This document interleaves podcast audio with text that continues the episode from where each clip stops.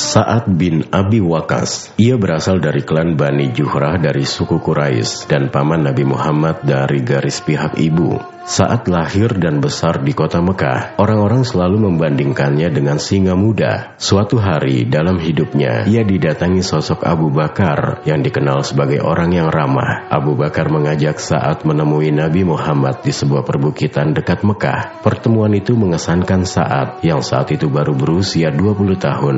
Ia pun segera menerima undangan Nabi Muhammad Shallallahu Alaihi Wasallam untuk menjadi salah satu penganut ajaran Islam yang dibawanya. Saat kemudian menjadi salah satu sahabat yang pertama masuk Islam. Di barisan pejuang Islam, nama Sa'ad bin Abi Wakas menjadi salah satu tonggak utamanya. Ia terlibat dalam pertempuran Badar bersama saudaranya yang bernama Umair bin Abi Wakas yang kemudian sahid bersama 13 pejuang muslim lainnya. Pada pertempuran Uhud bersama Zaid saat terpilih menjadi salah satu pasukan pemanah terbaik Islam saat berjuang dengan gigih dalam mempertahankan Rasulullah setelah beberapa pejuang muslim meninggalkan posisi mereka saat juga menjadi sahabat dan pejuang Islam pertama yang tertembak panah dalam upaya mempertahankan Islam. Dia adalah yang pertama melepaskan anak panah untuk membela agama Allah sekaligus orang pertama yang tertembus anak panah dalam membela agama Allah. Pada saat perang Kadisya, Amirul Mukmin Umar bin Khattab radhiyallahu anhu mengangkat saat sebagai panglima perang untuk melawan adidaya Persia pada saat itu.